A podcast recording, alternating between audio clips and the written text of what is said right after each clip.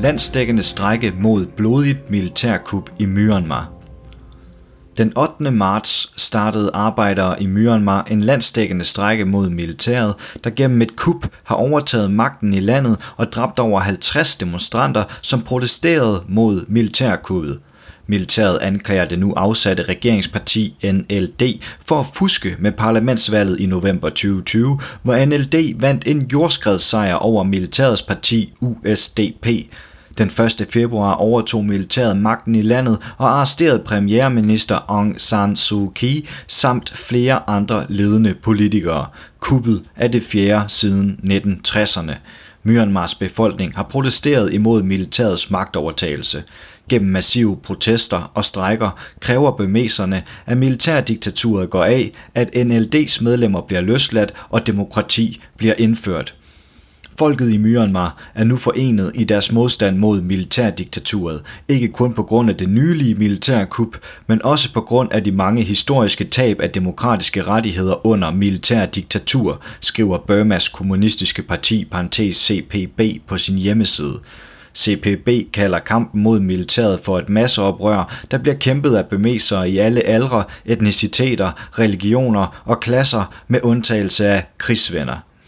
Som en del af masseoprøret anførte 18 fagforeninger en landsdækkende strække mod militærkuppet fra den 8. marts. Ifølge Al Jazeera har arbejdere nedlagt arbejdet på tværs af Myanmar, hvor blandt andet fabrikker, butikker og banker er blevet lukket ned. Desuden opfordrer fagforeningerne alle bemesere til at tage del i oprøret mod militærkuppet for at genindføre demokrati, løslade de fængslede politikere og aktivister og genindsætte NLD som regeringsparti. Vidner fra byen Mytkina fortæller Al Jazeera, at militæret har slået hårdt ned på protesterne under strækken og dræbt flere demonstranter ved at skyde dem i hovedet.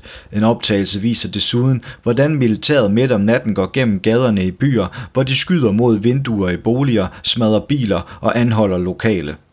Selvom militæret indtil videre har dræbt over 50 bemesere, der protesterede mod den udemokratiske militærmagt, er demonstranterne ikke blevet besejret. I en video udgivet af The Straits Times ses demonstranter udstyret med skjolde øve sig i forsvarsformationer, så de bedre kan modstå militærets vold.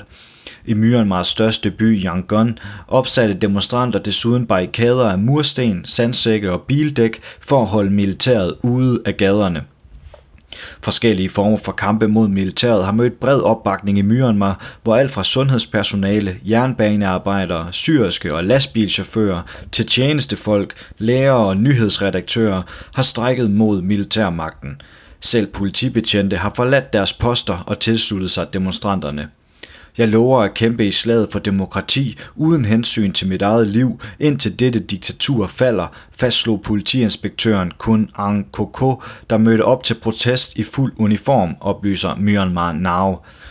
Aktivister har desuden i gang sat kampagnen Stop med at støtte militærets forretning, der opfordrer bemesere til ikke at købe bestemte mærker af øl, kaffe, film og busbilletter, fordi de er ejet af militæret. Hver aften går demonstranter på gaden i Yangon og vækker opsigt ved at slå på gryder og pander for at vise deres modstand over for militærkuppet. Her har trafikanter blokeret gader med deres biler for at forhindre militæret i at nå ind og bryde demonstrationer. Ifølge The Japan Times kæmper bemeserne også mod militæret på sociale medier.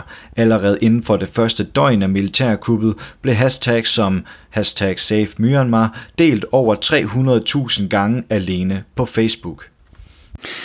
Du har lyttet til en artikel fra Arbejderen. Abonner på vores podcast på iTunes, eller hvor du ellers hører din podcast. Du kan også klikke ind på arbejderen.dk for meget mere journalistisk indhold.